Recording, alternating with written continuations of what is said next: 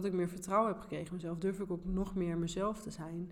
En mezelf te laten zien en te vertellen waar ik voor sta. Welkom bij de Wees Jezelf podcast. De podcast waar ik je alle ins en outs vertel over personal branding en hoe je dit op jouw manier kan inzetten.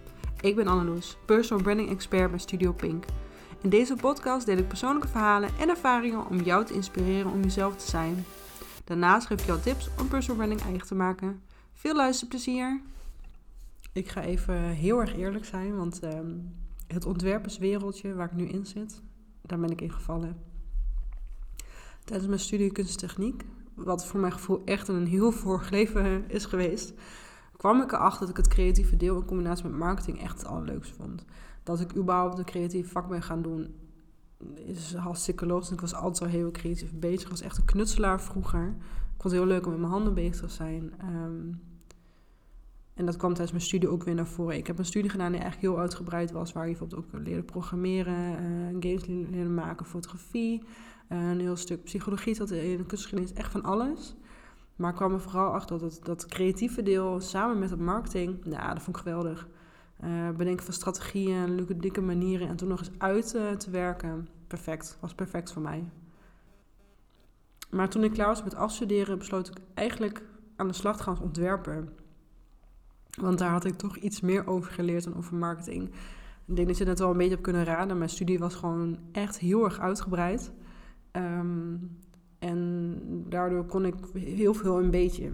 En het was aan jou om tijdens de studie zelf al een beetje een richting te bepalen. aan die marketing, vormgeving had ik dan gedaan, maar ontwerp was wel het meeste wat ik deed. Um, en voor mijn gevoel had ik ook wel te weinig geleerd over marketing en had ik daar te weinig ervaringen in. Dat waren voornamelijk onderzoeken die we deden, maar echte uitwerking, ja, dat deed ik niet. En ook tijdens mijn stages was ik daar niet mee bezig.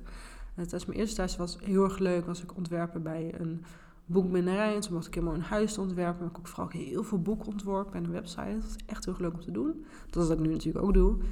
Uh, en tijdens mijn afstudeerstage heb ik me heel gefocust op social media strategieën. Wat ik ook ontzettend interessant vond.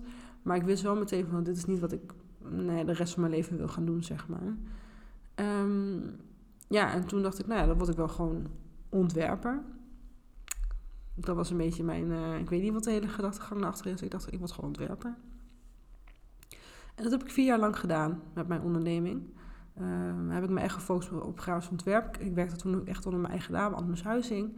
Um, en toen deed ik echt van alles wat te maken had met grafisch ontwerp huisstijlen, boeken, heel veel on- en offline uitingen, banners voor bij events, flyers, babykaartjes, brochures. Eigenlijk alles wat wel een keer wat gedrukt kan worden, heb ik wel een keer mogen eh, ontwerpen. Maar nog veel meer. Dus uh, ja, de vraag is eigenlijk wat niet. En dat deed ik met heel veel plezier. Dat doe ik met heel veel plezier, laat ik het zo zeggen. Maar ik merkte wel dat er iets miste. En toen kwam op een gegeven moment een hele leuke een fijne freelance op mijn pad, waar ik nog steeds uh, uh, een onderdeel van ben. Dat, dat ik onderdeel werd van een, uh, een communicatieteam van een zorgorganisatie. En ik werd eigenlijk, kwam ik ter ondersteuning van, van de vormgeving, dus voor de ontwerpen, zeg maar, kwam ik als extra. zodat zij wat rustiger kreeg. Maar ik ging uiteindelijk heel erg aan de slag met hun social media kanalen en met hun website. En het, het bedenken van leuke marketing um, en communicatie-ideeën. Uh, en dus ik werd dus ook letterlijk onderdeel van het communicatieteam. En ik ben nog steeds onderdeel van het communicatieteam. Um, op freelance want ik ben natuurlijk wel ondernemer. En ik ervaarde weer hoe verschrikkelijk cool en awesome ik het vond om constant bezig te zijn met het bedenken van toffe acties, uh, het schrijven van strategieën, maar ook het nog eens uit te kunnen werken. Dus niet alleen de mooie plaatjes maken, maar juist ook die gedachten erachter. Maar toch deed ik het zelf niet. Niet voor mijn eigen, voor mijn eigen klant, voor mijn andere klanten. En dat deed ik omdat ik het doodeng vond. Want het was weer echt heel ver uit mijn comfortzone, omdat ik het voor mijn gevoel niet goed genoeg kon. Graafs ontwerp, echt creatief bezig zijn, is eigenlijk mijn, mijn safe place. Dat is mijn comfortzone, zeg maar. Um, maar stiekem deed ik het wel. Wanneer opdrachtgever bij mij uh, aan de deur klopte, gaf ik zelfs advies, uh, al heel vaak advies op gebied van marketing. Uh, ik ging samen met ze in gesprek over hun missie, over hun visie, maar ook wel hoe ze hun website het beste op de markt konden zetten, hun producten het beste op de markt konden zetten, hoe ze hun onderneming op de markt konden zetten. Um, ludieke acties waardoor ze meer gingen opvallen.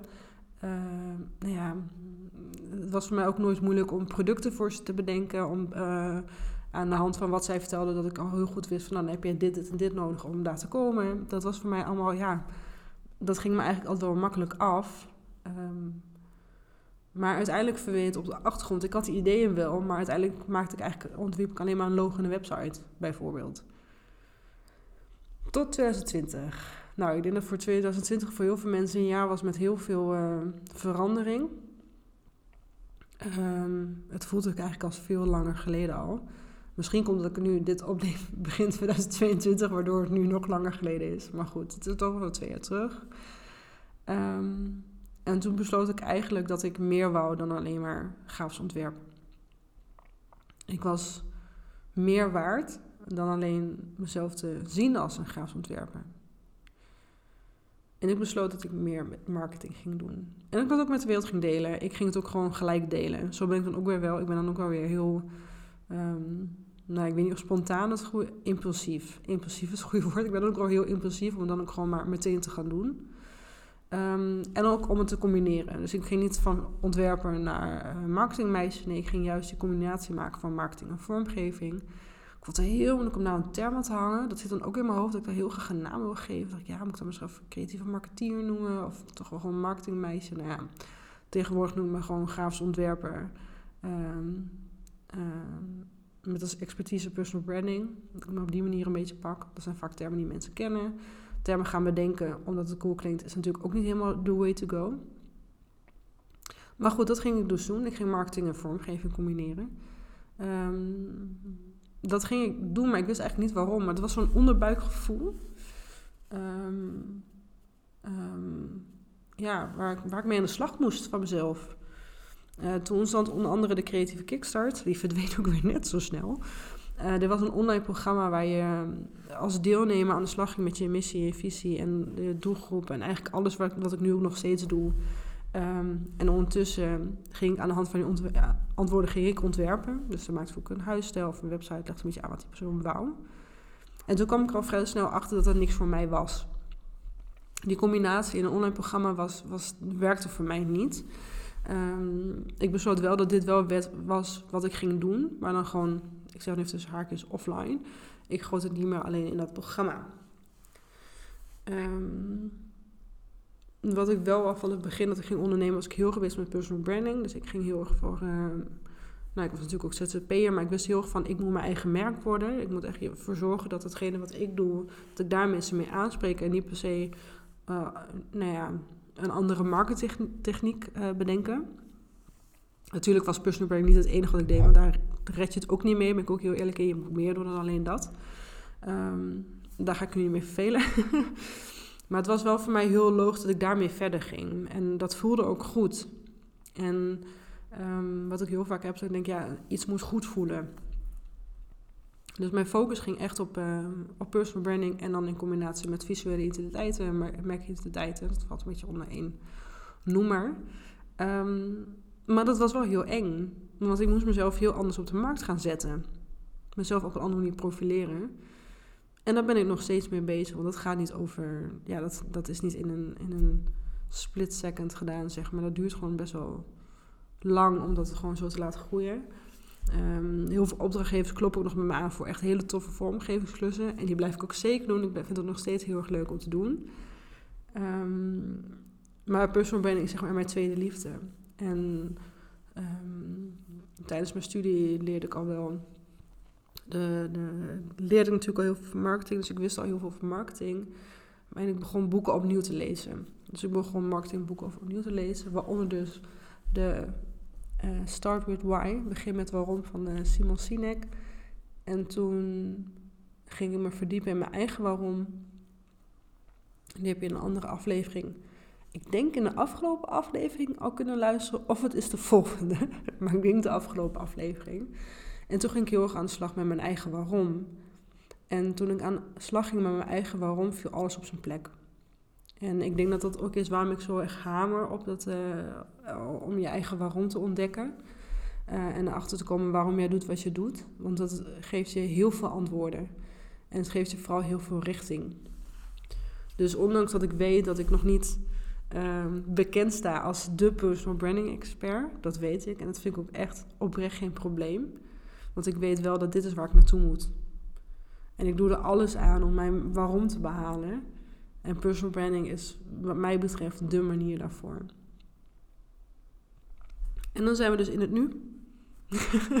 Hier zijn we nu. Ik, uh, vijf jaar geleden bood ik uh, pakketten aan waar ik uh, huisstijlen en logos ging ontwerpen. En dat doe ik nog steeds, maar nu met een hele belangrijke aanvulling. En dat is het stukje personal branding, de strategie daarachter. Het schrijven van de strategie die bij jou past. Dus we gaan dan ook aan de slag met je missie, met je visie, je waarom, je kernwaarden, jouw klanten, jouw doelgroep, je niche. Alles wat daarbij komt, komt kijken, zeg maar. Um, en dat is dus ontstaan in vijf jaar ontwerpen. En ik denk dat die ontwikkeling, die, die ontstond in 2020, uh, ehm, er echt voor heeft gezorgd dat ik. dat mijn mindset veranderd is, laat ik het zo zeggen. Dat ik weet dat ik meer kan dan alleen dat ene waarvan ik denk dat ik het kan. En dat het ook heeft gezorgd dat ik, dat ik meer vertrouwen heb gekregen in mezelf. En doordat ik meer vertrouwen heb gekregen in mezelf, durf ik ook nog meer mezelf te zijn. En mezelf te laten zien en te vertellen waar ik voor sta. En dat is wat ik, nou ja, wat je ook wel luistert in mijn waarom-aflevering. dat is wat ik iedereen gun. Dat je die transformatie doormaakt om voor jezelf te kiezen en om um, je eigen keuzes te maken, je eigen pad te volgen. En je vooral te laten leiden door je eigen gevoel. En door je eigen waarom, door je eigen doelen. En daarvoor zijn mijn trajecten natuurlijk.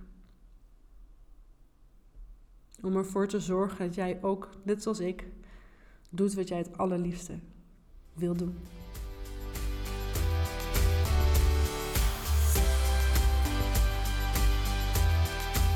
Bedankt voor het luisteren naar deze podcast. Heb je wat geleerd of ben je geïnspireerd? Deel deze podcast dan op Instagram of LinkedIn. Dat vind ik namelijk hartstikke leuk. Benieuwd of ik iets voor jou kan betekenen? Ga dan naar mijn website of stuur me een berichtje op Instagram. Vergeet ook zeker niet te abonneren zodat je geen enkele aflevering mist. Tot de volgende aflevering!